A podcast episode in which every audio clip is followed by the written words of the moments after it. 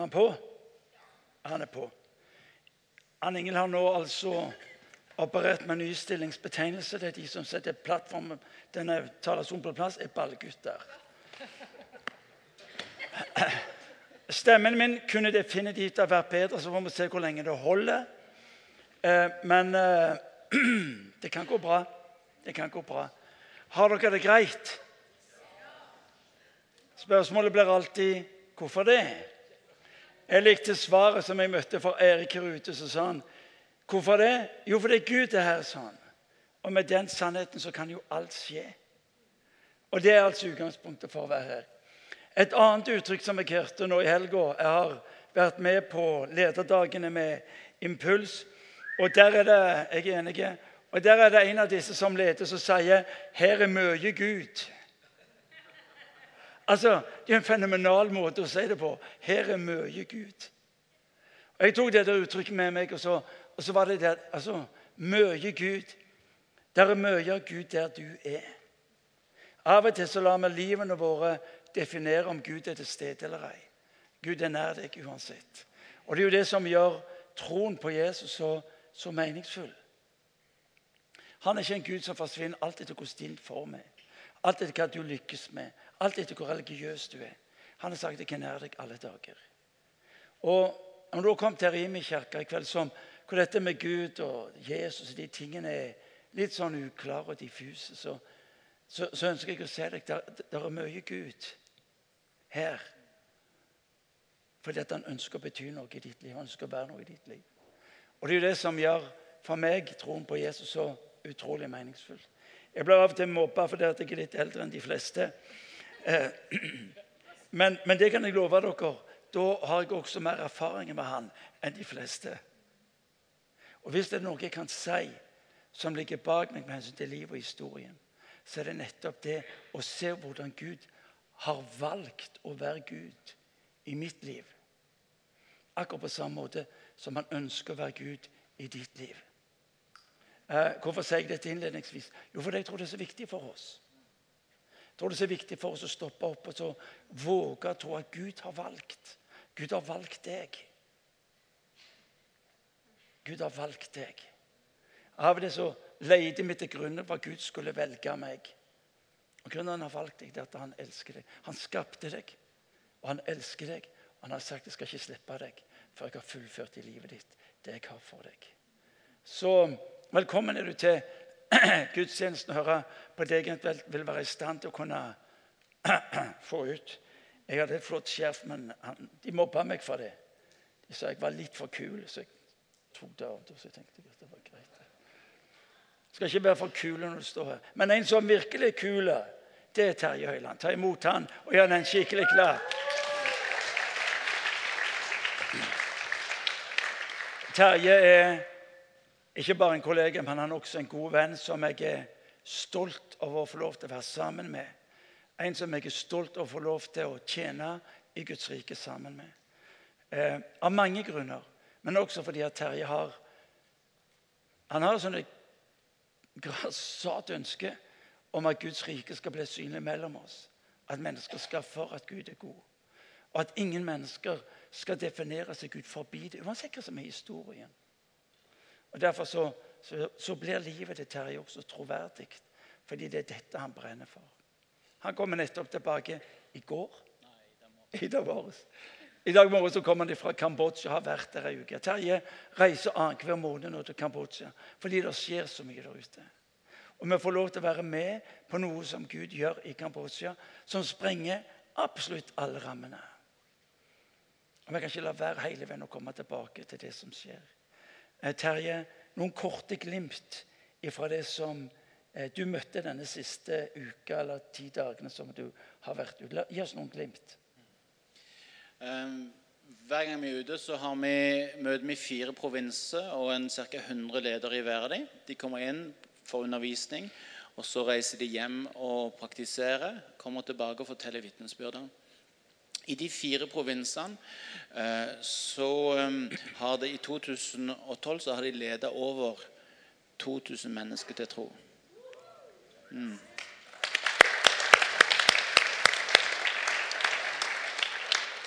det, det, det er ekstremt spesielt å få lov til å stå i, i, i nærheten av. I, I en av provinsene så var det flere av dere som var med på aksjon i fjor. Provinsen heter Kampunsjnang. Eh, hvor, hvor mange var en del her på G11. Hvor mange her var med på aksjonen i februar i 2012? Én. Ja, alle de andre eh, eh, Ja, ja, se her, vet du. Det er opptil flere. Fem stykk. Eh, det var 30 stykk totalt. Eh, og I slutten av den aksjonen så var vi i denne provinsen to dager. Blant annet så tok vi båt ut til et sted. Eh, og Det var et av de varmeste dagene, og vi fikk lov til å se Gud lede 139 mennesker til tro. Fikk se veldig mye helbredelse.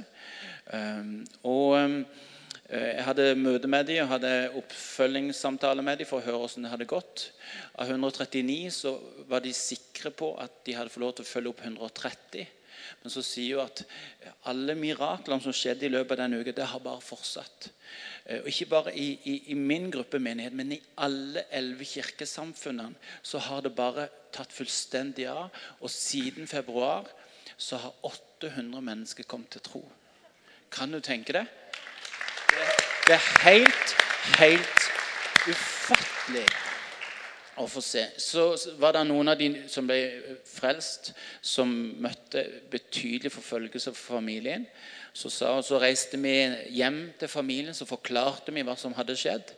Og så i samtlige familier så kom hele familien til tro. Og så, eh, så, så brant vi en del amuletter etter å ha rådført oss med, med, med lederne. For eh, det vi erfarte, var at en del hadde sånn helsebeskyttelsesbånd. Hvis du har vært i Thailand og fått sånn røde tråder, så er ikke det bare for gøy, men det, det er knytta onde ånder til det. Eh, og Noen var ute i lands, en landsby og ba for ei som ikke kunne gå. Ingenting skjedde første gang, ingenting skjedde andre gang. Så var det noen som kom på jeg tror det var Kjelløk. Eh, 'Om du har sånn bånd?' Ja, nei, hun hadde det. Kan du tenke deg å ta det av? Så tok hun det av seg, og så begynte hun å gå. Eh, så mye kraft i det. Så vi begynte å gjøre det til en regel at vi inviterte folk til å ta det av, og så brant vi det. Så ville jeg bare høre om vi hadde vært respektløse. Så jeg spurte fikk dere mye trøbbel i etterkant eh, etter vi hadde gjort det. Så sa vet du hva, i samtlige av de familiene hvor folk hadde tatt av eh, de båndene, så ble hele familien kristne. Fordi de kom forvandla hjem. Mange av de kom helbredet hjem, de hadde fått en tro. Og så kom hele familien fordi de så uh, hva Gud hadde gjort. Det, det, er bare helt fantastisk å få lov til å stå i nærheten av ei kirke som så radikalt bringer det ut. Og vi er så ivrige etter å ikke bare få opprakte hendene, men å, å, klare å lede dem inn i disippelskap. Så når stormen kommer, så, så blir de stående og ikke falle. Uh, og i februar, i vinterferien, er det en ny tur. Vi har plass til en 50 stykker i hvert fall. Ehm, det er billigere enn en langhelg i Roma.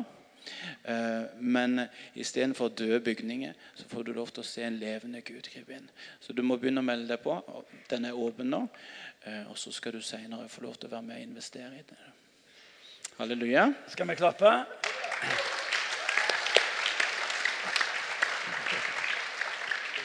Ja, jeg tror vi må, vi må be for Terje. Ah, ja. Så må dere gå inn og se på bloggen for å få med dere alle vitnesbyrdene. selvfølgelig. Den finner du på imkirke.no og så misjonsbloggen i venstre. Ja. Greier, så må du få med deg alt. Og, ja, og så skal de be. Kjære Herre, hvis Terje nå kan være rolig litt, så skal jeg bare be til deg. Herre, jeg takker deg for at du elsker Terje. Han er sønn, og han er disippel, Herre. Og du har bare så glede av det som nå skjer i Kambodsja. Var det Kambodsja du fortalte om? for jeg var ute og henta vann. Jesus, jeg, jeg, takker deg for at du har så glede av det, Jesus, og ditt rike går fram. Og Det som jeg leser om i Bibelen, det skjer, Jesus. Herre, jeg ber om at du skal velsigne det landet videre. og Bare fortsette å fylle på. Og at du skal holde din vanvittig vernende hånd over Terje. Over alle herfra, Jesus, som eh, drar, og som ikke bare velsigner, men som blir til velsignelse. Gud, vi takker deg. Dette er så spennende tider å få leve i. Jeg ber om å få være med på mye spennende framover. Velsign Terje og i det hele tatt. Amen. Og i det hele tatt. Og i det hele tatt. Far, vi ber også for han Inghild. Amen. hver dag, sier Mania. Det kan vi forstå. Det kan vi forstå. Ja. Det er greit å le litt, er det ikke det? Jo, det er greit å le litt. Alexander og Anne, Kristi, Anne Marte Anne Marte. Hvor sitter Marte Kristine er noe helt annet. Men jeg strever alltid med den. Er dere der ennå? Ja. Fantastisk å høre, høre på dere.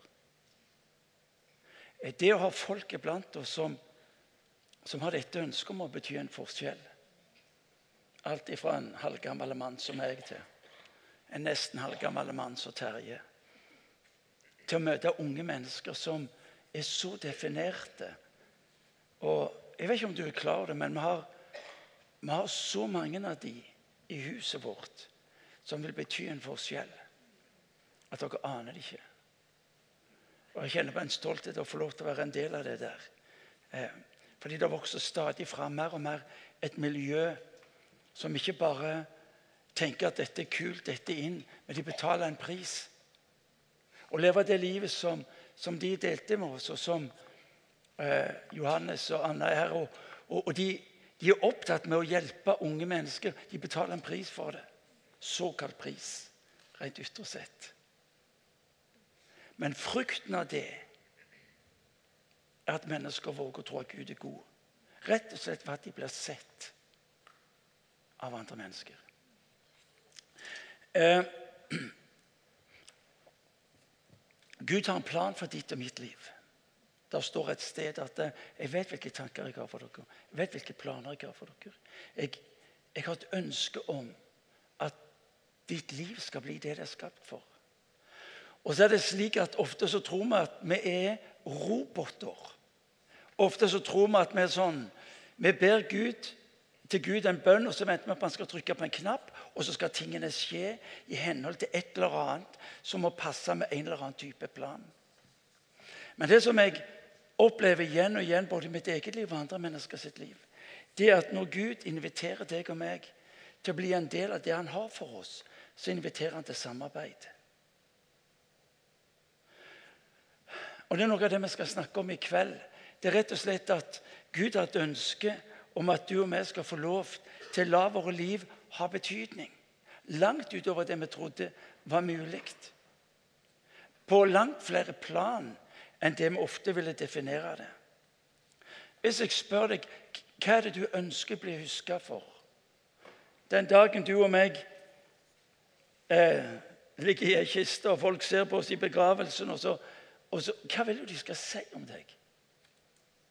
Hva vil du bli huska for? Jeg husker jeg møtte en god venn av meg som han, eh, han, han hadde solgt langt flere kjoler enn de fleste i dette landet.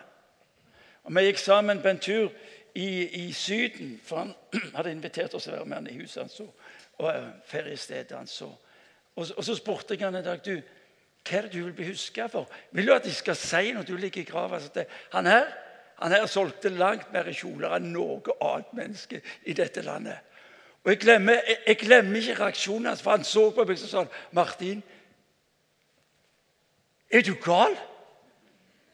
Jeg vil ikke bli huska for at jeg har solgt tusenvis av kjoler. Jeg ønsker å bli huska for at livet mitt hadde betydning.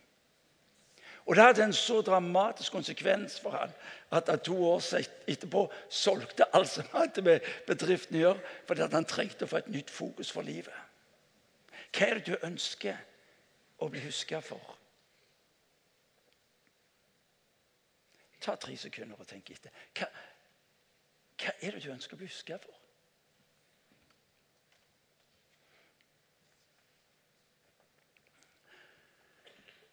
Og så rart det kan høres ut. Du har innflytelse på det.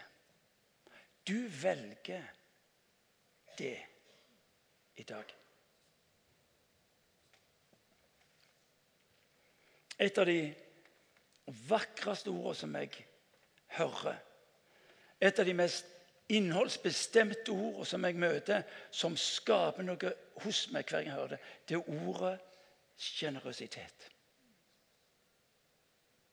For sjenerøsiteten tar ikke utgangspunkt i posisjon.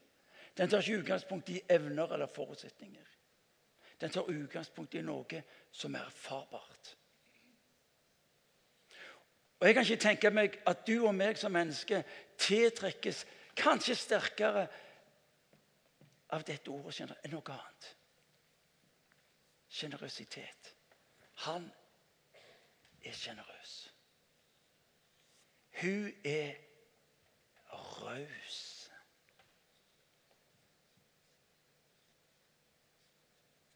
Titusen kjoler. Fantastisk forretningsmann.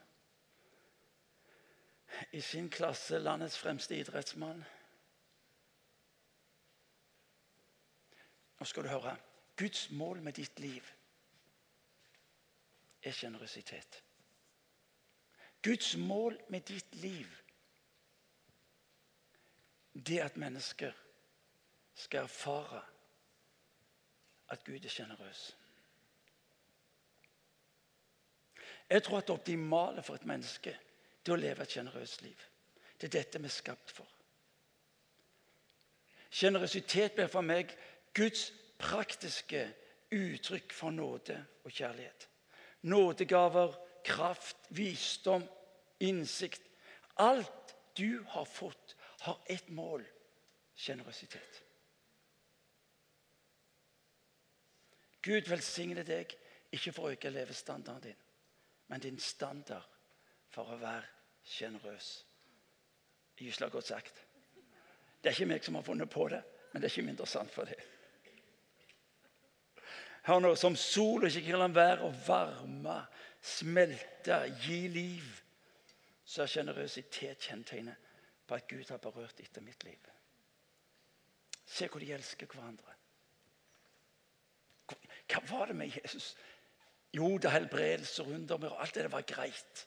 Det uttrykte også sjenerøsitet. Men, men det, var, det var så ubegripelig godt å være i nærheten av ham. For han vurderte oss ikke etter yteevne, posisjon, ferdigheter. Gud ønsker at du og vi skal få lov Jeg mener jeg kan si Gud ønsker fordi at du skal ha noen skriftsteder som tar oss inn i den tenkningen. Gud sjokkerer deg og meg egentlig ved å ta oss inn i en måte å tenke på som kan være annerledes. I Lukas evangeliet kapittel 9 vers Lukas evangeliet kapittel 6, vers 88. Der står det Gi, så skal dere få et godt mål. Rusta, stappa og bredfullt skal dere få i fanget. For det skal måles opp til dere med det samme mål som dere selv bruker. Hør nå godt etter. Hva er det som avgjør din inntekt? Vi vil se arbeidsgiver, samfunnet, utenforliggende årsaker. Gud sier du. Gud gir i henhold til hva du gir. Du og meg setter standarden for hva våre liv skal få lov til å bety, hva det skal representere av innflytelse. Hvilken, hvilken standard har du for det livet som du ønsker å leve? Det livet som andre skal få tilgang på? Spørsmålet er ikke hvor mye penger du har, men hva du gjør med dem. Gud tar aldri utgangspunkt i hva du burde ha, men han spør hva har du Når han i beretningen i Gamle testamentet møter enker som ikke har noen ting, så, så har han ikke oppgjør med hvorfor har du ikke spart, og hvorfor har du ikke gjort de rette tingene. Men han spør hva har du i huset ditt. Hør nå godt etter. Gud spør ikke etter hva du ikke har. Han spør hva har du. Han spør ikke om du har mye penger eller lite penger. Han spør ikke til, uh, om du er evnerik eller om du er osv. Han spør hva har du. Det er hans utgangspunkt for deg og for meg. Hvor mye penger har du? Ja, skal vi snakke om penger? Ja, vi skal snakke litt om penger òg i dag. I min kirke har én søndag i året hvor vi snakker om penger. Men egentlig så snakker vi ikke om penger. Penger er det minst interessante i en menighet. Det er bare ressurser som Gud gir oss, slik at vi kan lykkes og utvikles på viktige områder av livet. Men det vil du skal få tak i. Standarden du setter, blir Guds standard for ditt liv. Ah. Er det sant? Fordi at vi har jo kanskje der et ønske om at Gud skal stelle med oss på en slik en måte at det er han som setter standarden for oss. Da blir livet så mye lettere. Da har ikke jeg ansvaret. Da er det jo grunnen hans greie, og ikke min greie. Er det Gud som setter standarden? Nei, han sier ikke det. Det er du som setter standarden for ditt liv. Og i henhold til det vil du møte meg. Vi har et lite problem. Aldri har kristne i dette landet vært så rike som i disse dager. Men visste dere at prosentmessig så har altså de kristne organisasjonene eh, fått redusert sine ressurser dramatisk. Det har blitt vanskeligere få frivillige medarbeidere. Misjonsorganisasjoner reduserer på antall misjonærer. Vet du hvorfor? Fordi vi har blitt rike. Fordi har Du skal få høre litt seinere. Paulus sier til sin unge venn Timoteus i første brev til Timoteus kapittel 6 Du skal innskjerpe for de som er rike i denne verden, at de ikke må være overmodige og ikke sette sitt håp til en usikker rikdom, men til Gud. Han gir oss rikelig av alle ting for at vi skal nyte dem. Parentes. Det er jo festlig at han sier vi skal nyte det vi har. Det er ikke, det er ikke, det er ikke ukristelig å glede seg over, nyte det en har. Og som er det sagt Askese er egentlig noe fremmed. Vi har putta det inn i en eller annen type tradisjon, gjort det til ideal, som har sagt at slik skal det være. Nei, altså det er faktisk tillatt å nyte. Nyte heter det enkelte deler i landet nyte i Stavanger. Det er noe mer smell på det da. Nyte blir sånn teoretisk. Forsto du den, Ingen? Hvor det sto henne? Skal jeg gjenta det? Ja.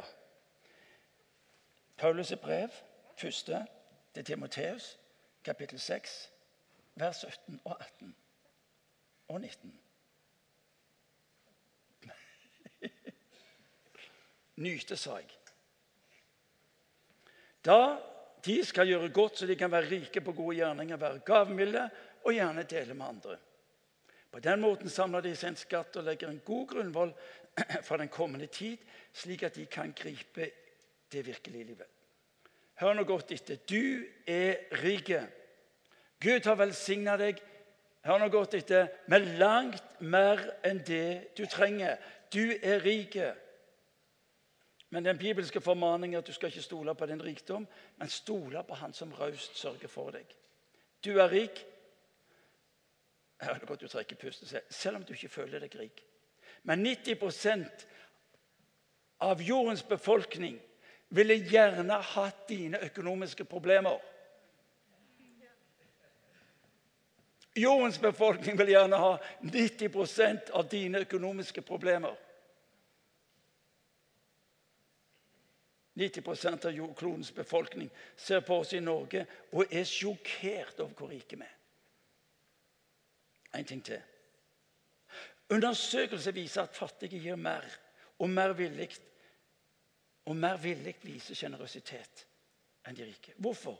Grunn at de rike har fått flere muligheter til å fylle opp tida de har til å bruke pengene på ting. Det er det interessante.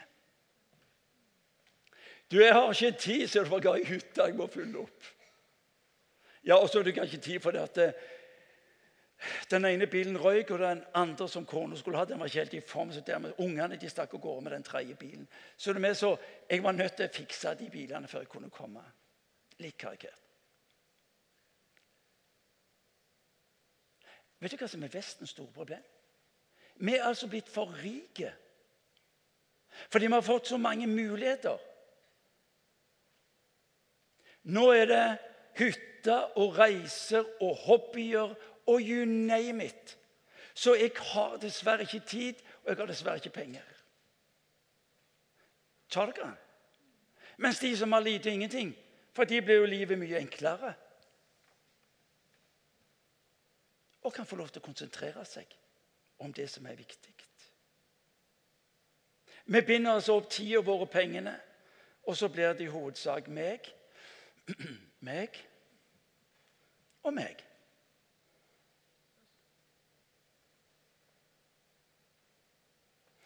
Hva er det Bibelen egentlig tar oss inn? Bibelen tar oss inn i en måte å tenke på hvor livsstilen vår skal få lov til å være sjenerøsitet.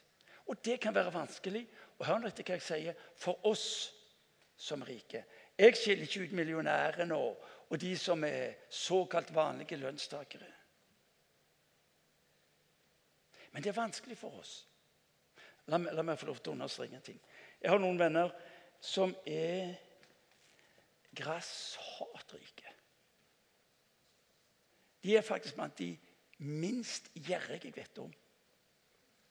Og de er så rause. Så, så, dette med å være sånn tilbakeholden Det har ikke noe med hvor mye penger du har. Det har noe med måten du tenker på. Husker jeg skulle låne bilen til en av disse her en gang. og så og Det var en svær, flott bil. Jeg tenkte ikke, du, du, du, var jo livredd for å kjøre den bilen, for tenk om du kolliderte. Så sa jeg vet ikke om jeg tør. Og så sier han ja, men det er ikke et problem. sier han. Hvis du kolliderer, har du ett ansvar, og det sørger han for å få han til verkstedet. Og så skal jeg sørge for resten. Er dere med? Altså, Vi snakker ikke om den som tjener mye eller lite. Du og meg, alle vi som er her inne, vi er rike. Spørsmålet er bare hvem vi sammenligner oss til. Sjenerøsitet må altså læres. Svært få av oss har det naturlig. Derfor er Bibelen opptatt med det. Derfor er Bibelen opptatt med penger. Bibelen er ikke opptatt med å få pengene ifra deg, men Bibelen er opptatt med å få pengene ut av deg, slik at det kan bli til det som løser ut ting i ditt eget liv. La oss, la oss lese litt mer fra Bibelen.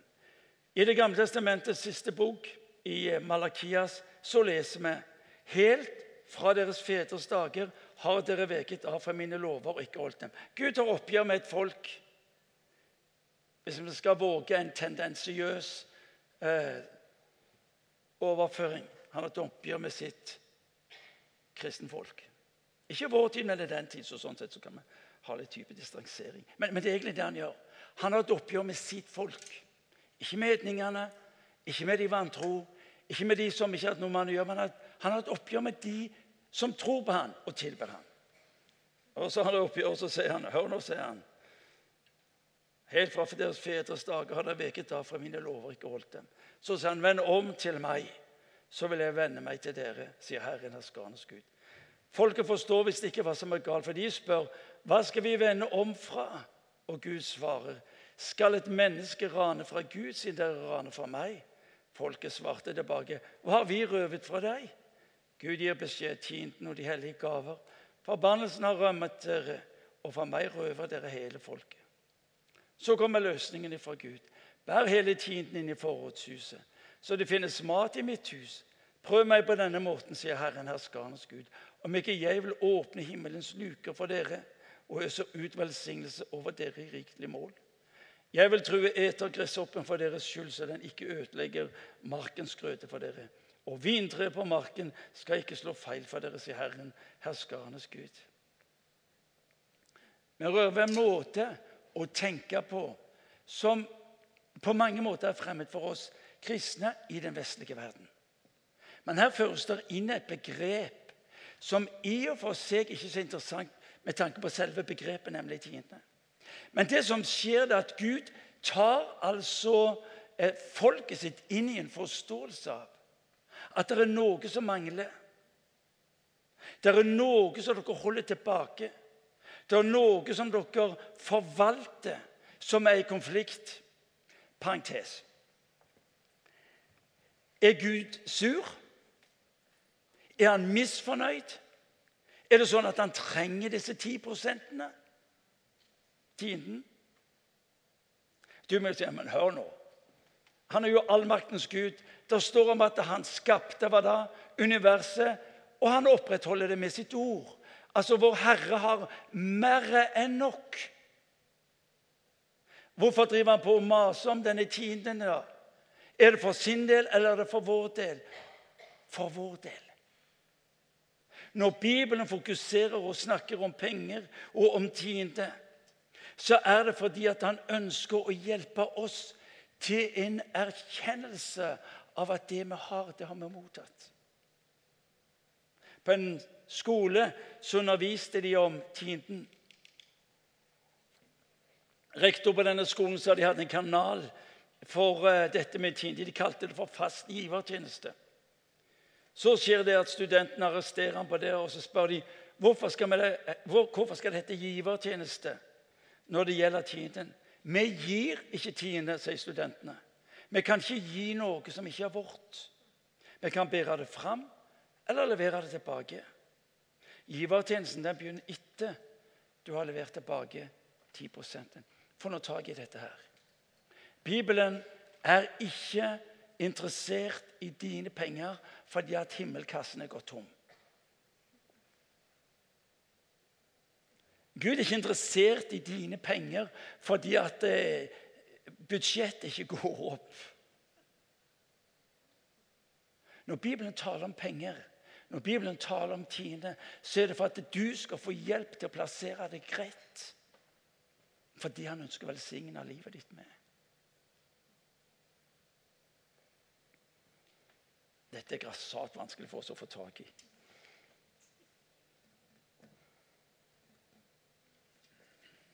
Bildet er banalt. Men av og til ber Gud oss om å gjøre ting som kolliderer med vår måte å tenke på. Av og til så ber Gud oss, og han tar oss inn i situasjoner som ikke stemmer med vårt såkalt logiske resonnement. Fordi at jeg vil tro at det jeg har, det har jeg. Og det jeg gir fra meg, det har jeg ikke lenger. Mens det Bibelen sier til meg, at hvis du gir, så får du. Hvis du gir, så følger jeg opp. Hvis du gir, så mangler du ingenting. Og det kolliderer, spesielt i en tid som er så materialistisk orientert, som forteller at det du har, det har du, og det du ikke har, det har du ikke. Så det der med å skulle begynne på en vandring hvor jeg lærer å gi Ta ut Kjenne det smertefulle, kjenne det som utfordrer. For I begynnelsen så utfordres vi når det gjelder tiden, fordi det kjennes unaturlig ut for oss. Ja, For noen er det rett og slett vondt fordi jeg gjør, gjør noe som ikke stemmer med mitt eget resonnement. Bildet er banalt. Jeg husker min ungdom, den gang jeg var ung og sprek. Og så drev jeg med bakketrening. Intervalltrening i bakke. Fem ganger 500 meter i motbakke, folkens. Det kjenner du. Bare prøv. Jeg skal fortelle deg. Det kjenner du, spesielt på slutten. Og Hver enda gang når jeg nærma meg toppen, så tenkte jeg hvorfor i all verden holder jeg på med dette? her?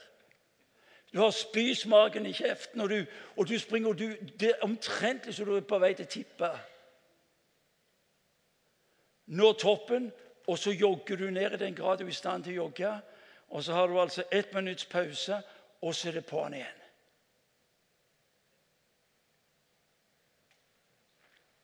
Hvorfor gjorde jeg det? Fordi at jeg hadde et mål. Og når jeg hadde gjort det mange nok ganger, så visste jeg jeg ble utfordra på det hver gang.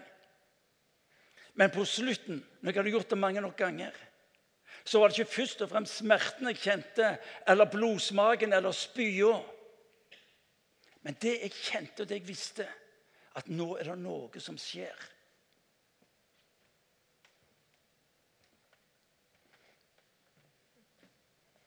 Litt skryt, mamma.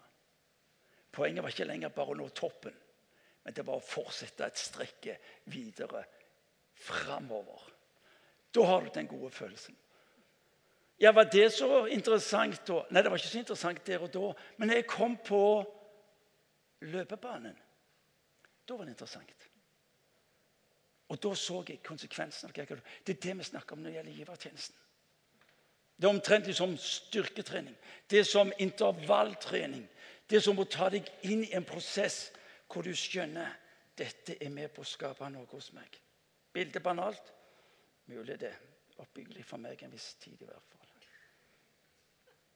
Kanskje du tenker du, ja, men hør Martin, jeg har ikke de pengene som du snakker om. Jeg har ikke råd til å levere tilbake til Gud 10% av det jeg tjener. Mitt spørsmål til deg er har du råd til å unnvære åpne himmeluker og velsignelse i rikmål? Fordi For det er det profeten sier. Ja, Betyr det at Gud holder tilbake? Nei, Gud holder ikke tilbake. Men det er bare at du ikke er i stand til å ta imot det når hånda di er fylt med det du tror du må ha for å berge. Om dere får tak i det jeg sier Om dere Nikk hvis, dere, hvis det gir mening.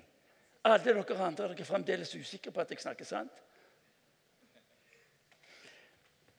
Jeg har sagt til deg himmelen trenger ikke de pengene.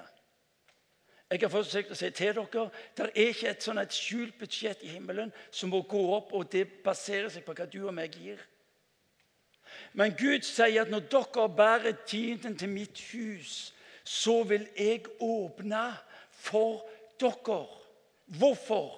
Hvorfor ikke før? Fordi du ikke er i stand til å ta imot det. Men når du våger å gjøre det jeg ber deg om å gjøre, fordi at jeg ønsker velsigning Når du våger å åpne hånda di så sier han seg virkelig åpne over ditt liv.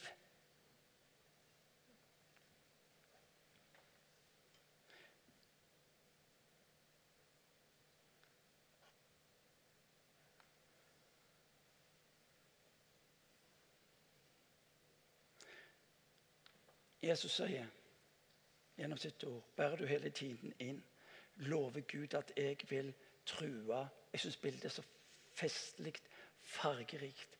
Jeg vil true etergresshoppen for deres skyld, så den ikke ødelegger markens grøde. Vet du hva? Det ligger altså beskyttelse i de gode bibelske formaningene, også når det gjelder penger. Får du tak i dette her? Du og meg utsettes for et drapelig press om å ha, om å eie, om å få mer. Vi snakker om materialisme.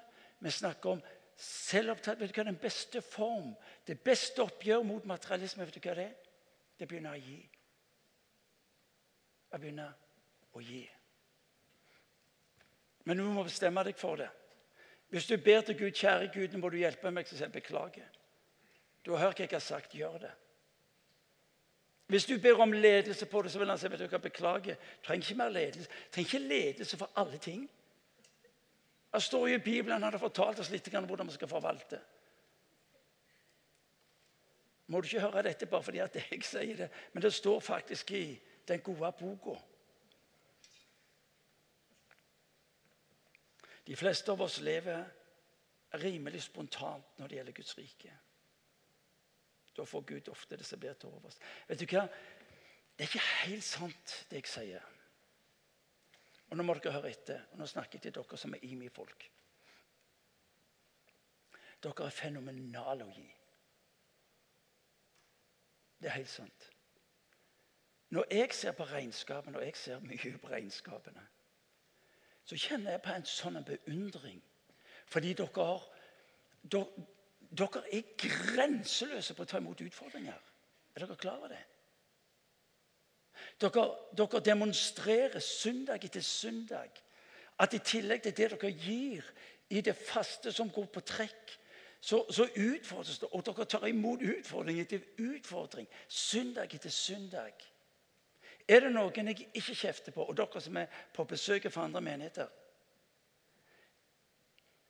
Det er et privilegium å få lov til å være pastor i denne menigheten. Det er et privilegium å få lov til å være blant mennesker som har en sånn en eh, begeistring over å få lov til å være til velsignelse for andre. Helt enormt. Helt enormt. Dere, kan dere klappe for dere sjøl?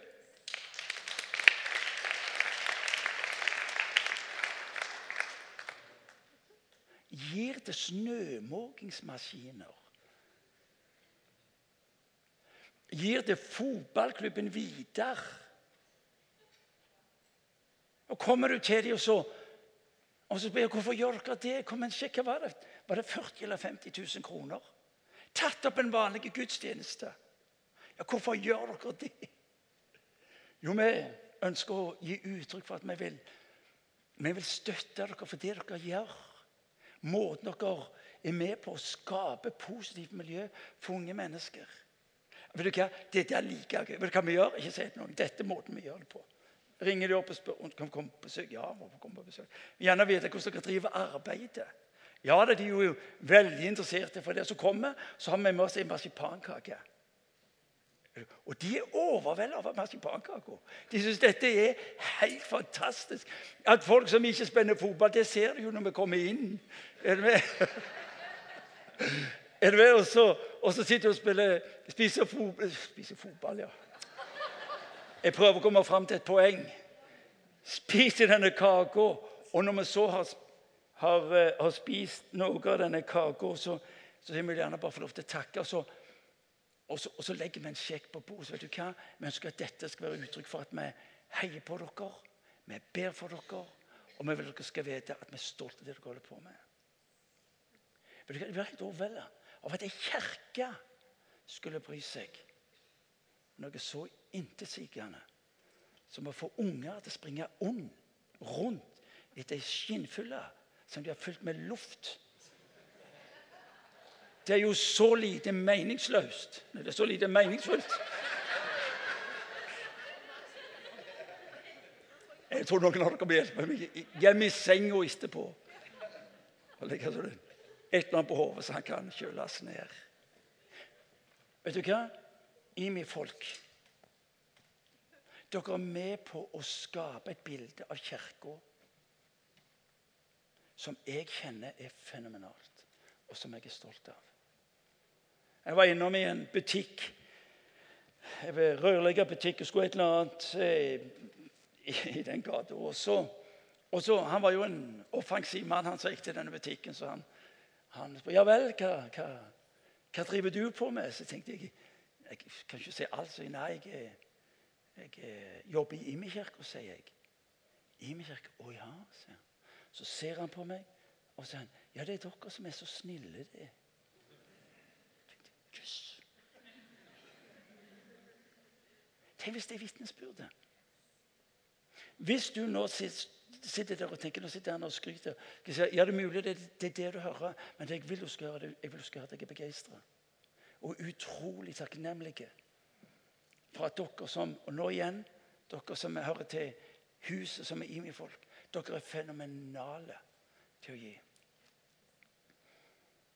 Og så står det i brevet til tessalonikerne Paulus sier jeg har hørt om kjærligheten deres. Den er kjent over hele Lille-Asia. Og så sier han videre Men jeg vil dere skal gjøre fremskritt. Mer fremskritt. Derfor snakker vi om økonomi i dag. Fordi vi gleder oss over det nivået vi er på, men vi ønsker å nå lenger ut. Vi ønsker et vitnesbyrd om Jesus skal være med sånn karakter at folk tenker dette må vi ha oss på. Er dere med meg? Ja. Var det bra? Takk. Kona mi er på tur, men det har søsteren min som sitter her. og Jeg lytter oppmerksomt til hva hun sier.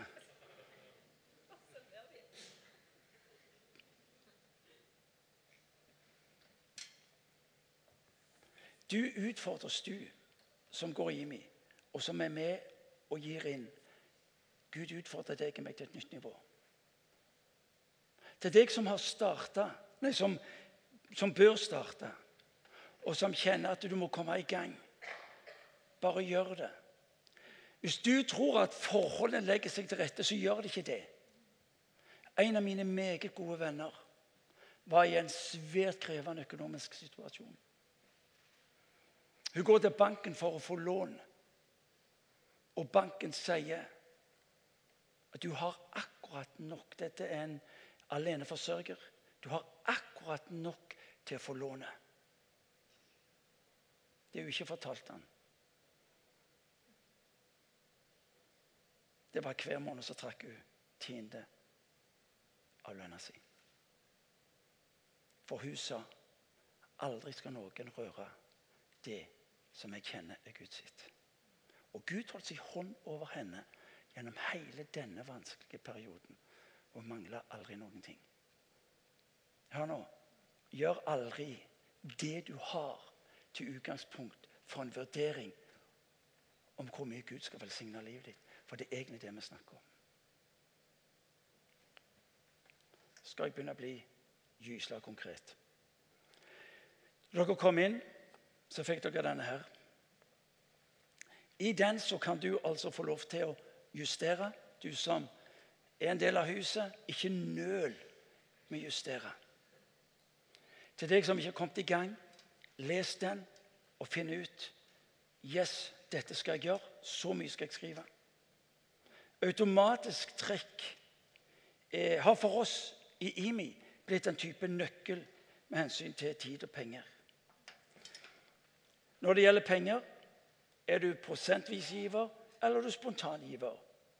Nå skal dere høre noe. Før jeg tar ut fem øre, så har Eivind, vår regnskapsfører, han har tatt ut 10% på autotrekk. Er dere med meg? Før jeg har tatt ut fem øre, så har, hun tatt ut, har han tatt ut 10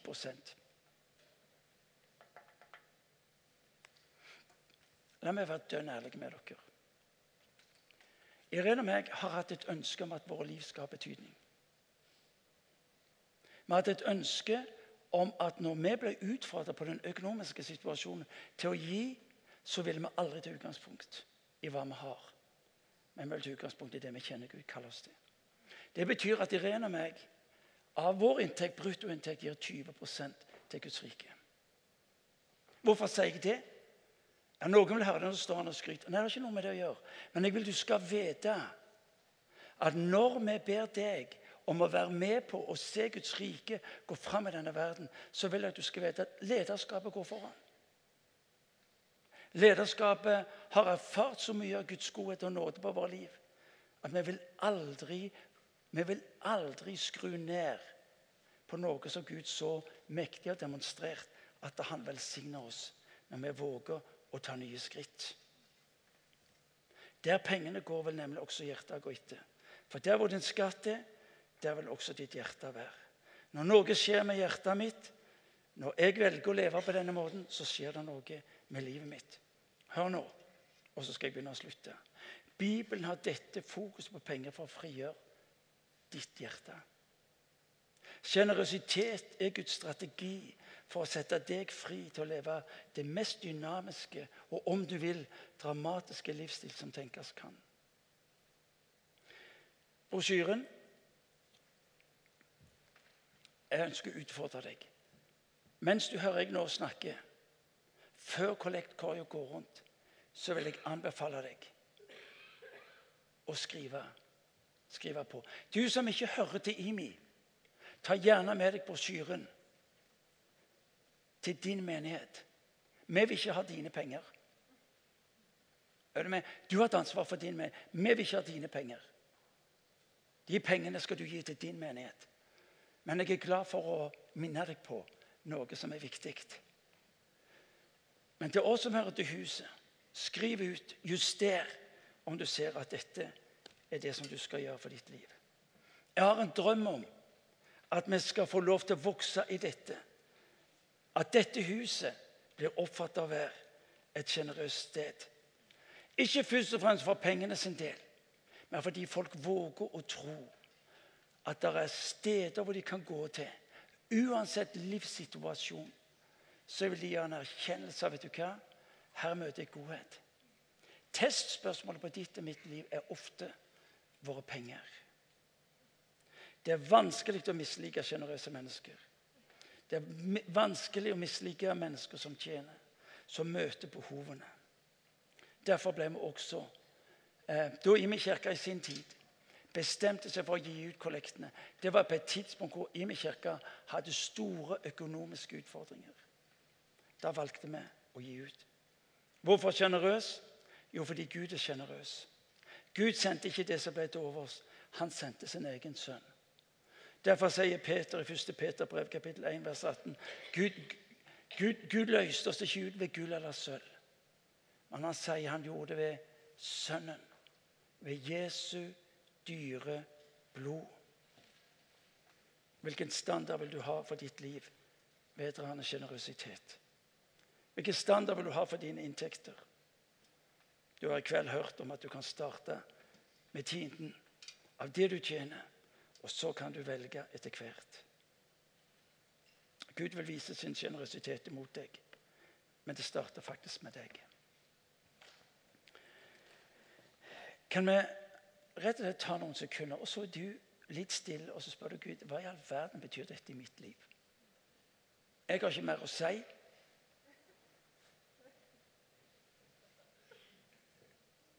Men du får lov til å handle på det du har hørt. Det jeg vil du skal ta til deg, det er Gud er ikke interessert i dine penger utover at det er hans mulighet til å velsigne ditt liv. Slik at ditt liv kan bli til en velsignelse for andre i denne byen, i dette landet og videre utover. La oss be.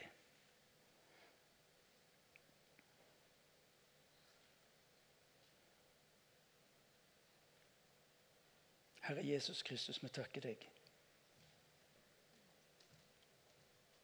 Vi takker deg fordi at du var villig til å betale en pris. Vi takker deg, Gud, fordi at du ikke ga det som var til overs, men du ga Sønnen. Herre, vi ber om å la det få lov til å være utgangspunktet for våre mange merkelige regnestykker.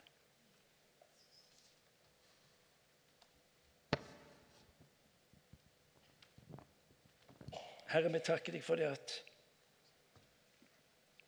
penger er ikke først og fremst et spørsmål om å få dine budsjetter til å gå opp. Men det å sette oss fri. Det betyr en forskjell, Herre.